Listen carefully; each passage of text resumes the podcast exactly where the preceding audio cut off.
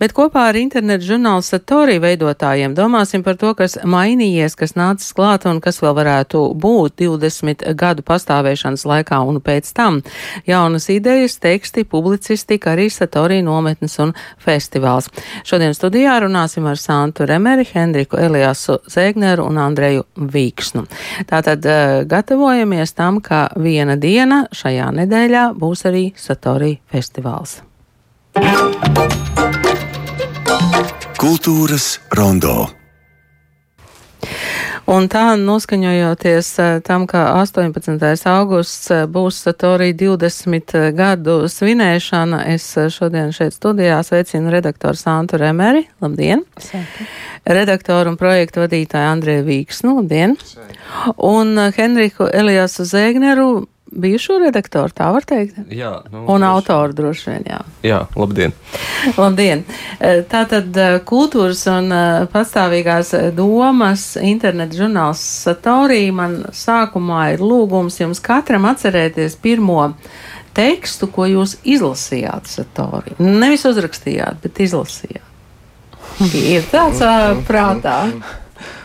Drīzāk, kur vizuāli ir prātā, Labi, kāds viņš jā, tad jā. izskatījās. Es precīzi nepateikšu, kas bija saturs, bet tā sajūta, kaut kāds pelēkais fons un ka kaut kas notiek. Jo es nedzīvoju Latvijā tajā laikā, bet man bija prieks kaut kā iegūt to saskari ar uh, sava vecuma cilvēkiem un redzēt, ka viņi ir uzņēmušies kaut kādu iniciatīvu. Man liekas, ka tas bija kāds no tūkotajiem svarīgajiem filozofijas tekstiem, kas bija iztūkots latviešu valodā. Precīzi nepateikšu, kas, bet tā satura izsajūta. Nu, tas droši vien tā kā, tā kā vecākai paudzei, tad, kad nāca žurnāls avots, ka tur kārtējo reizi bija kaut kas ļoti svarīgs iztulkots, nu, teiksim, tim, tam brīdim Kafka vai Orvels, ja, ka tu atceries eh, tikai to, bet ko jūs atceraties? Es taisnību sakot, laikam labāk atceros savu pirmo publikāciju. Tad jūs uzreiz rakstījāt. nu, es paskatījos, ka pirms 11 gadiem man bija pirmā dzējas publikācija, kas laikam bija bijusi kultūras formā, un pēc tam kaut kā. Uh, sanāca nokļūt līdz Satorī, bet es arī šorīt pārlasīju, ir uh, žurnālā tāds um, nu jau kādu laiciņu uh, um, iepriekš tapis raksts, kas ir Satorī žurnāla arheoloģija, un kur var uh, Cits starpā arī forši paskatīties, kāds žurnāls ir izskatījies dažādos posmos. Un tad es piefiksēju, ka tur ir ap 2007. gadu tāda žurnāla versija eh, dizainā, ko es atceros, eh, ka es tajā laikā vēl neregulāri, bet šad un tad atvēru. Nu, tagad, Andrej, jums ir jāatcerās, vai nu vizuāla vai tekstuāla versija, vai um, Tekstu es nevaru atminēt, es teikšu uzreiz, Aha. bet uh, es arī līdzīgi kā Henriks, uh, gatavojoties jubilejai, pārlasīju to pašu rakstu, skatījos uz dizainu un mēģināju atcerēties, kurš, kura versija ir tā, kas man ir atmiņā iespiedusies kā pirmā. Man šķiet, ka man tas bija kaut kāds laiks ap 2010. gadu, iespējams, kaut kas tamlīdzīgs, kad es neregulāri kaut tam uzdūros un uh, kaut ko palasīju. Iespējams, ka tajā laikā tā bija vairāk dzēja, bet uh, jā, negalvošu gan, gan dzēja, gan proza, gan tulkota filozofiskie raksti, gan uh, publicistika. Tā tagad viss ir lasāms satorī un arī klausāmi raidieraksti, kā mēs tagad paskatījāmies. Uh, kurā brīdī uh, viena ceturdaļa satorī, kas tātad nozīmē atmošanās vai pēkšņa apskaidrība, kļūst par satorī. Tā ir tāda pieaugšana vai lielumānija vai, vai, vai vienkārši ir vienkāršāk. Tad diez vai klāt ir tas cilvēks, kam šis jautājums būtu jāuzdod. Jo man šķiet, ka tā izvēle notika tad, kad Šlāpins Ilmārs bija galvenais redaktors, ja nemaldos. Viņiem noteikti bija savas diskusijas, Kāpēc? Kuras jā. viņa mums nenodeva tālāk. jā, tas, manuprāt, nāk tajā brīdī, kad biedrības centumu pārņēma Satorija principā no arī uh, pirmā dibinātāja Reņa Tukiša, bet uh, tajā pašā rakstā tur esot uh, tas, tā viena ceturdaļa Satorija bija atsauc uz kādu froma uh, grāmatu, un tas ir ticis lietots savulaik ēpastos kā paraksts. Un ne tikai viena ceturdaļa, bet mainīgas tās daļas, cik liela ir dotā brīža apskaidrības pakāpe. um, Henrika, kad jūs norācāt uh, Satorī kā, kā redaktors, tā bija tāda uh, pēkšņa maiņa, uh, redaktoru maiņa. E, nu, es pievienojos uh, redakcijai, kā redaktors sanāk uh, nu, jau pirms vairāk kā četriem gadiem, un šogad pavasarī beidzu to darīt. Bet uh, nu, tas bija tāds uh, pārmaiņu brīdis redakcijā. Um, Un, manuprāt, ir ļoti arī svarīgi un uh, labi, ka, tas, ka arī tagad žurnāla redakcija ir mainījusies. Jo, teiksim, par to domājot, man liekas, Latvijā ir arī piemēri, kur žurnāliem redakcijas varbūt nemainās vispār vai ļoti ilgi paliek viens. Un tas arī ir tāds noteikts žurnāla tips, bet man liekas, ka tā satorija būtība no paša sākuma ir nu, būt tādam diezgan esošā laikā klātesošam um, un ļoti varbūt reaktīvam arī žurnālam, kas reaģē uz tieši to, kas ir šobrīd. Un, uh, kā mēs labi zinām, mēdījos strādājot, uh, pierast pie jauniem noteikumiem un jaunas situācijas nākas regulāri. Tad, manuprāt, arī tās svaigās asins komandā ir viena no kaut kāda, teiksim, arī ilgspējības atslēgām. Tad tagad, Santi, jums jāizstāsta, kā jūs uh, diezgan koleģiāli vadāt Satoriju. Ja? Mm, man šķiet, ka jā, bet uh, man arī tā neliekas tāda ļoti liela drāma šī pārmaiņa un es nezinu, kāda ir vadības nomaiņa. Man šķiet, ka saturī lasītāja un rakstītāja pulks kaut kādā brīdī pārklājas. Iespēja, principā, rakstīt ir daudziem, piedalīties šajā domu apmaiņā ir daudziem, un ir forši, ka kāds cits var kādā brīdī tiksim, mazliet paņemt šo vairāk līderības pozīciju. Un tas, ka mēs esam vairāk, man liekas, tikai likumsakrīgi. Mēs arī katrs esam mazliet vairāk no sava lauciņa. Tiksim, Igors ir no akadēmiskā un filozofiskā, un es vienkārši piedalos visos kultūras pasākumos. un, to bija grūti noformulēt. Ja, un, nē, to nebija grūti noformulēt. Uh, Tā ka man liekas, tas ir forši. Mēs varam apspriesties katru pirmdienu par to, kas katram dzīvē ir noticis, ko esam pamanījuši, un ka tajā jau arī redakcijas ietvaros sarunā rodas tās tēmas un domas, par ko mēs varētu runāt, par ko liekas, ka arī plašāka sabiedrība vai lokus ap mums grib šobrīd runāt, izteikties, dzirdēt. Mm, es neredzu aiztur, bet varbūt tikai es neredzu, kā ir Andrē. Bet eh, kā ir nokļūt eh, Satorī autoru vidū? Tas ir eh, tāds nu, ļoti sarežģīts ceļš, vai, vai man šķiet, ka es lasīju, ka tas ir diezgan atvērti. Jūs piedāvājat savus noteikumus, un, un tad cilvēki var piedāvāt savus tekstus.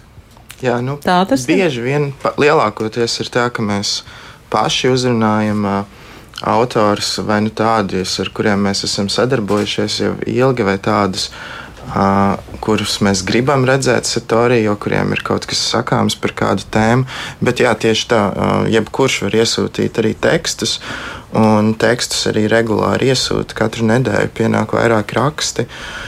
Vai literatūras publikācijas, un tad mēs tās izskatām un dodam cilvēkiem uh, atgriezenisko saiti, un daļa no tā arī nonāk žurnālā. Vai žurnālam jāsastopas, vai redakcijai jāsastopas arī ar grafomāniju? Nu, tur droši vien jā, pavisam īsi. Jā, es arī gribēju teikt, ka. Es varbūt kā vairs neesmu vairs darbinieks, bet no pagātnes pieredzes tā teikt, mazliet citu atbildības nāstu var teikt, ka, nē, nu jā, nāks saskarties, bet uh, drīzāk, es teiktu, būtiskāks jautājums ir saprast, uh, kas Patiesībā par grafomāniju, man liekas, mēs akurāt bieži neesam nekad runājuši, bet tas ir drīzāk bieži sanāk patiesībā nepārtraukti uzdot jautājumu, kas ir labs teksts, kas ir gan labs teksts, lai to publicētu, un kā vispār to visu plūsmu virzīt un menedžēt, bet arī vienlaikus tajos vērtējumos nekļūt, es nezinu, nepatīkamiem, bet, eh, bet eh, to, to visu redakcijas procesu virzīt tā, lai tie teksti vairojās un lai autori arī, kas sāk rakstīt, var augt. Un tā tālāk, bet tas ir, manuprāt, vienmēr bijis tāds individuāls darbs ar katru autoru, kas ir arī tā atslēga. Bet, protams, nu jā, ir arī teksti, kurus gadās uh, atteikt. Santa, jums nākas gandrīz vai katru dienu atbildēt uz jautājumu, kas ir labs teksts? Um, varbūt tikai Andrejam. Nē, es domāju, pašai sev varbūt. Uh, Tas, man liekas, es arī šajā komandā drīzāk esmu tā, kas negribētu nevienu likt grafomānijas vai pārspīlējumu kastītē un tomēr ieklausīties katrā balsī. Man šķiet, ka cilvēkam, kam gribas kaut ko teikt un ir ko teikt, ir viņā jāpaklausās. Un uh, man gribas iespējams dot iespējas cilvēkiem arī izteikties, jo reizēm arī varbūt mazliet nekārtīgā vai teiksim, nepārāk kvalitatīvā tekstā ir kāds ļoti svarīgs vēstījums. Un tāpēc eh, es esmu tā, kas reizēm varbūt arī aizkavē redakcijas darba kaut kādu to plūsmu vai procesu, mēģinot tā kā pa, pastrādāt ar kādu un dot kādu otro iespēju. Bet tajā pašā laikā, nu, vienā brīdī, ja tas neiet uz priekšu, un ja tas ir apgrūtinoši tā sadarbība no abām pusēm, tad viņi ir vai nu jāiepauzē, vai jāpamēģina citādi. Andrej, pirms eh, mēs ieslēdzām mikrofonus, jūs teicāt, ka autoru trūks. Tā tiešām ir. Tā ir, jā. Uh, trūkst. Uh, Trūkst autori, kurus spētu rakstīt uh, labi un kuri būtu gatavi ieguldīt uh, to darbu pie teksta. Jo skaidrs jau arī, ka par publikācijām mēs diemžēl nevaram maksāt tik daudz, cik mēs gribētu. Un, attiecīgi, tas arī daļu autoru, kuri varbūt varētu rakstīt biežāk, attur no rakstīšanas. Un tad tas ir tāds nemitīgs process, meklēt jaunus, jaunus autors, kuri varētu rakstīt pārliecināt tos, kuri jau ir rakstījuši, lai viņi to turpina darīt, skubināt, iedvesmot, emocionāli šantažēt un tā tālāk. Kā jūs viņus iedvesmojat? Vai nometne ir viens no veidiem, kā iedvesmot autors? Mm, es nezinu, šķiet, ka nometnē varbūt savā ziņā ir arī veids, kā iedvesmot, bet drīzāk veids, kā satikties un kaut kā tā kolektīvi arī pašiem iedvesmoties. Uh, bet Man šķiet, ka, lai sāktu rakstīt, ir vajadzīgs mazliet tā dzirkstele, kas bieži vien izveidojas tieši sarunā. Man, tiksim, liekas, nu, es gribu ar Elīnu parunāt par šo, vai ar Māju, vai ar Jāni. Un, uh, un pat ja mums abi, nu, pat ja rakstītājiem īsti nebūs laika, bet ja šis sarunas iesākums ir apusē interesants, tad arī rakstīšanas impulss kaut kā vieglāk nāk rakstītājiem. Tā kā, jā, ir kaut kā uztvert to sarunas sākuma pavadienu, lai abām pusēm būtu patīkami viņu turpināt. Tad arī nav tik grūti uzrakstīt, un starp visiem daudziem citiem pienākumiem, jo gandrīz visi cilvēki ir noslogoti kādos citos kultūras darbos, tā kā atrast šo vienu refleksijas momentu, kad uzrakstīt par, par kaut ko svarīgu. Tas eh, tēmu lokus eh, var būt eh, jebkas, kas ir svarīgs, un svarīgi ir kā par to uzrakstīt arī politika. Uh, arī kultūra politika, mm, kā jūs, kā jūs formulētu to tēmu loku, vai tur ir kāda robeža? Es teiktu, ka būtībā jārakstīt var par jebko, jo kultūra jau būtībā ir jebkas. Un tas kaut kādā ziņā ir uh, veids, kādā domāt par uh, lietām un uh, procesiem un par tiem reflektēt. Un tāpēc es teiktu, ka nav mums katrā ziņā redakcijā iekšienē nav tādas līnijas, kur mēs teiktu, ka šī tēma galīgi vispār nav mūsu, bet vienlaikus skaidrs, ka ir kaut kādas tēmas, par kurām mēs domājam un kurām pievēršamies biežāk un vairāk. Henrika, kamēr jūs bijāt redaktors, vai, vai jums ir kaut kādi tādi nu, spilgti momenti vai spilgtas tēmas, kas, kas jums bija svarīgas tajā laikā? Nu, man sanāca strādāt kā redaktoram uh, posmā, kas arī mm. ietver uh, pandēmijas gadus un arī uh, Ukrainas uh, kara to um, sākuma posmu, aktīvo vai ne. Uh, un, uh, mēs arī šajā laikā, nu, tie bija diezgan specifiski apstākļi, kuros strādāt. Tīpaši, piemēram, pandēmijas sākumā, kad uh, patiesībā auditorija ļoti pieaug, jo visi sēdēja mājās un to vien darīja, kā um, skatījās ekrānā, un tajā pat laikā kultūras norises šķietami apsīka dažādos for formātos. Tā kā vienmēr man liekas, ir bijis uh, tāds kā līdzsvars starp to, kas notiek, un to, kas ir pārlaicīgs. Un tad, kā nu kurā brīdī tas līdzsvars izsvarās, tas ir bijis dažādi. Man ir, protams, specifiski uh, savas uh, sirds lietas, kas ir tuvākās, kas ir tur, teiksim, laikmatīgā dzēja, un uh, gan publikācijas, gan recenzijas par tām. Bet es teiktu, ka tās ir mazāk bijušas tēmas, kā konkrēti raksti un konkrēti autori. Tāpat kā tikko Andrejam bija jautājums par par šo tēmu loku. Man liekas, viena lieta ir temats, bet eh, ne tikai eh, par ko rakstīt, bet kā rakstīt, jo par dažādām sadzīviskām parādībām var tāpat kā mākslā, tāpat publicistikā vai ne, rakstīt ļoti spēcīgu tekstu, un tad ir. Eh, es nezinu, man ļoti spilgti atmiņā ir Lorijas Thompsonas raksts par uh, Marsa pārka protestiem, un respektīvi par koku izciršanu vai kaut kādu tādu nu, tādi, tādi raksti, kurus lasot, ir bijis jāraud vairāk kārtīgi. Tie ir kaut kā palikuši atmiņā, kā tādi kartes punkti. Un arī daži ļoti, ļoti personīgi teksti, kas Satorija arī regulāri tiek publicētas lejās un, un tā. Vai pandēmijas laikā cilvēki vairāk rakstīja, ne tikai lasīja?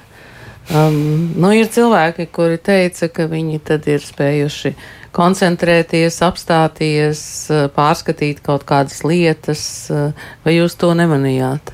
Es teiktu, ka tur nebija. Nav tādas viennozīmīgas atbildes, jo no vienas puses pienāca ļoti daudz uh, pašu cilvēku, viņu pašu uh, aizsākti un iniciēti teksti, uh, kas reflektēja tieši par uh, pandēmijas laika pieredzi, bet uh, no otras puses bija tādi cilvēki, kuriem šajā laikā bija emocionāli un psiholoģiski grūti rakstīt. Jā. Nav tā, ka uh, pandēmijas laikā virtuālās kaut kādas platformas kļuva mazliet cilvēcīgākas. Tā kā visi ir mazliet iesprūduši savās mājās, vai nav citu to kultūrālo saviesīgo pasākumu, un tad ir tas veids, kā tu vari būt kopā ar, la, lasīt kopā. Es nezinu, vai es līdz galam piekrītu, jo varbūt ka šī arī nav taisnība, bet man šķiet, ka arī tieši viedokļu sadursmes ļoti sāsinājās tieši pandēmijas laikā par dažādām vērtībām, un es to saistu ar to, ka tu vairs neredzi cilvēku, ar kuru tu runā. Viņš kļūst kaut kādā ziņā tikai par to bildīti datorā, un tāpēc ir daudz vieglāk būt asam, jo tas nešķiet tik personīgi un nopietni. Un tāpēc es novēroju arī tādu lietu. Nu jā, tas ir pietrūkst to žestu, mīmikas un viss cits. Nu, visa psihofizika principā nav mm. redzama. Ja? Nu, mēs arī to piedzīvojām, kad mēs eh, runājām tikai zūmā un, un neredzējām cilvēku acis. Tā kā tagad es skatos uz, uz jums. Um, Cilvēku komentāri, piemēram, Facebook, Twitterī un tā tālāk, eh, tomēr atšķiras no tekstiem, kurus jūs publicējat Satorī. Uh, Vai tas nozīmē, ka tas ir tas redakcijas nopietnais darbs, ka tā nav viena podziņa publicēt eh, katram cilvēkam, publicējot jebko, mm, ka tā tomēr ir eh, nu, svarīga darba sastāvdaļa redaktori? Mēs pamājām ar galvu. Mēs pamājām, nu, jā, jā. pamājāt ar galvu. Nē, pavisam noteikti, jo tad, kad tu vērsies pie kāda cilvēka, piedāvājot viņam tēmu un rakstīt ir kaut kādā ievada saruna, kurā tu izklāsti to savu ideju, un cilvēks tev savukārt izklāsta to, kā viņš to redz. Tad ir tāds uh, izstaigāšanas un dzemdēšanas brīdis ar to ideju, tad, kad uh, teksts tev tiek atsūtīts, tur noteikti bieži vien ir arī komentāri no redaktora puses, gan saturiski, gan tīri valodiski, ieteikumi un labojumi. Un, jā, mēs ieguldam diezgan daudz darba pie katra teksta. Es skatos, ka jums ir arī Māra Zandera mm, tādi komentāri par, par politiskiem jautājumiem. Nu, vai nu es neatrodu, vai jums nav neviena raksta par um, teātra vadības maiņām? Tas jums šķita neinteresanti? Mm, pilnīgi noteikti. Uh, tas ir interesanti, bet uh, tas notiek strauji un reizēm mēs arī esam varbūt piesardzīgi ar pārsteidzīga viedokļa apgalvošanu. Man liekas, ka saturī vispār nav tāds liels apgalvotājs, bet drīzāk iztaujātājs. Mēs par šo runājam redakcijas sapulcē, ka mēs gribam sarunu diskusiju, mēs gribētu saprast. Mēs vēl neesam šo. Kā, ja es varu papildināt, mēs runājām par to, jā, ka tieši pēc uh, nometnes, kad ir ieskrējusies jaunā sezona, varētu rīkot apaļā galda diskusiju par šo tēmu. Jā, būs interesanti. Un nometne būs jau tūlīt pēc. Jā, pēc jubilejas. Jā, mēs jau kārtējam čemodānu. Ir jau. Nu, mazliet pastāstiet par to, kāda tā viena diena, tas 18. augusts būs Dēls teātra vasaras dārzā. Nu, visa programma sāksies pulkstenā trijos dienā un ilgs līdz pat trijiem naktī. Gaidīts ir ik viens, un uh, visi pasākumi ir bez maksas. Var droši nākt arī ģimenes ar bērniem, jo būs arī darbnīcas bērniem. Bet, uh, jā, par to programmu tajā ir Es varu pastāstīt par visiem notikumiem. Ja. Nu, droši vien, nē, nu, droši vien, ka to var izlasīt uh, arī mājaslapā un tad izvēlēties, kā ar bērniem, piemēram, nenākt 12. naktī vai, nu, nu kaut kā, kaut kā tā. Bet kāpēc nē? Jā. Jā. Jā. Nē, mēs esam to programmu kaut kādā ziņā veidojuši tā, lai. Jā, ar iekļaujot tajā jau lietas, kuras mēs esam pārbaudījuši iepriekš nu, piemēram. Ko jūs esat pārbaudījuši? Dzējas diskotēka, kas ir tāda stabila satorija tradīcija, es teiktu, jau gadus septiņus, kur dzēnieki atskaņo sev sagatavotu mūziku un lasa dzēju. Parasti ir vienmēr ļoti jautri. Būs izgāšanās stāsts, kur kultūras cilvēki jokos par savām nebūšanām. Būs literatūras lasījumi ar uh, Satoriju autoriem, tuviem. Tā tad būs autori, draugi, nu, tikpat labi varbūt arī nejaušie garām gājēji, es saprotu. Jā. Jaunie draugi. Un jaunie draugi. Vai jums būs arī tāda, nu, tā kā Latvijas rādio formāta brīvais mikrofons? Pret rītu, varbūt. Pret rītu, pēc trījiem, jā. jā. Ne, mēs esam uh, ieplānojuši tādu tostu sadaļu, kur mēs esam aicinājuši dažus savus draugus teikt tostu. Un uh, iespējams, ja tas izvēršas kaut kā spontāni vai plašāk, arī kāds cits vēlēsies pateikt. Bet uh, katrā ziņā mēs uz to nespiedīsim. Vai jums katram ir tāda versija vai vīzija, kā, kā Satorija varētu tālāk virzīties? Vai, vai mainīties, vai kas būtu tas, kam noteikti būtu jāpaliek? Mm, man šķiet, ka tik ilgi, kamēr vien aktīvi notiek dzīve, kultūras dzīve un pilsētas dzīve, notiek arī saturī. Jo, uh, Tad ir lietas, ko komentēt, ir lietas, par ko iedegties, un tad tu tā kā seko līdzi. Tad es vispārīgi nemaz nedomāju, ka tur vajadzētu kaut ko baigi reformēt, tikai drīzāk reaģē uz to, kas ir. Jā, man ir uh, interesanti teikt, agrāk esot uh, autoram un lasītājam, un tad uh, četrus gadus strādājot, un tagad atkal kļūstot par lasītāju.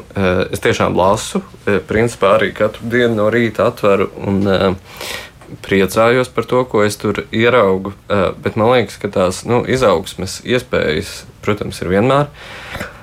Vienlaikus, teiksim, padomājot par tiem 20 gadiem un arī par pēdējo laiku, mēdīji ir cieši, nu, teiksim, šāds neatkarīgs kultūras mēdījis Latvijā. Tas principā ir nevalstiskās organizācijas izdevums, tas nav peļņas pasākums, un tā ir eh, principā lielā mērā valsts atbalstīta institūcija, kas žurnāli izdod. Un, uh, es ar prieku secinu, ka patiesībā tā varbūt eh, struktūrālā situācija un arī finansējuma situācija savā ziņā laika gaitā ir uzlabojusies, bet arī tur, man liekas, ir iespējas augt. Un es domāju, ka gan kultūrai, vispār gan kultūras mēdījiem to uh, finansējumu pieaugumu un atbalstu no valsts puses varētu novēlēt mums visiem. Uh, jo tā teikt, arī visi nevalstiskajā sektorā un kultūrā strādājošie ļoti uh, labi spēj strādāt un ir ar ļoti daudzām idejām. Un tiešām arī tās finanses uh, ieplūdinot, var redzēt, kā, kā top jaunas lietas. Līdz ar to man liekas, jā, dažādos mēdījos un uh, dažādās tematikās nu, vienmēr ir kur augt un izplasties, bet man liekas, ka tas pamata kodols Eh, ir ļoti labs viscaur bijis, un es ceru, ka viņš tāds arī paliks, lai vai cik grūti to nebūtu definēt. Paldies jums eh, šodien par sarunu, lai ir uh, izdevusies festivāla ballīte 18. augustā. Šeit studijā bija redaktors Santa Remere, Henriks Elijās Zēgners un šobrīd Satorija redaktors un projektu vadītājs Andrēs Vīksne. Paldies! Paldies! Tā.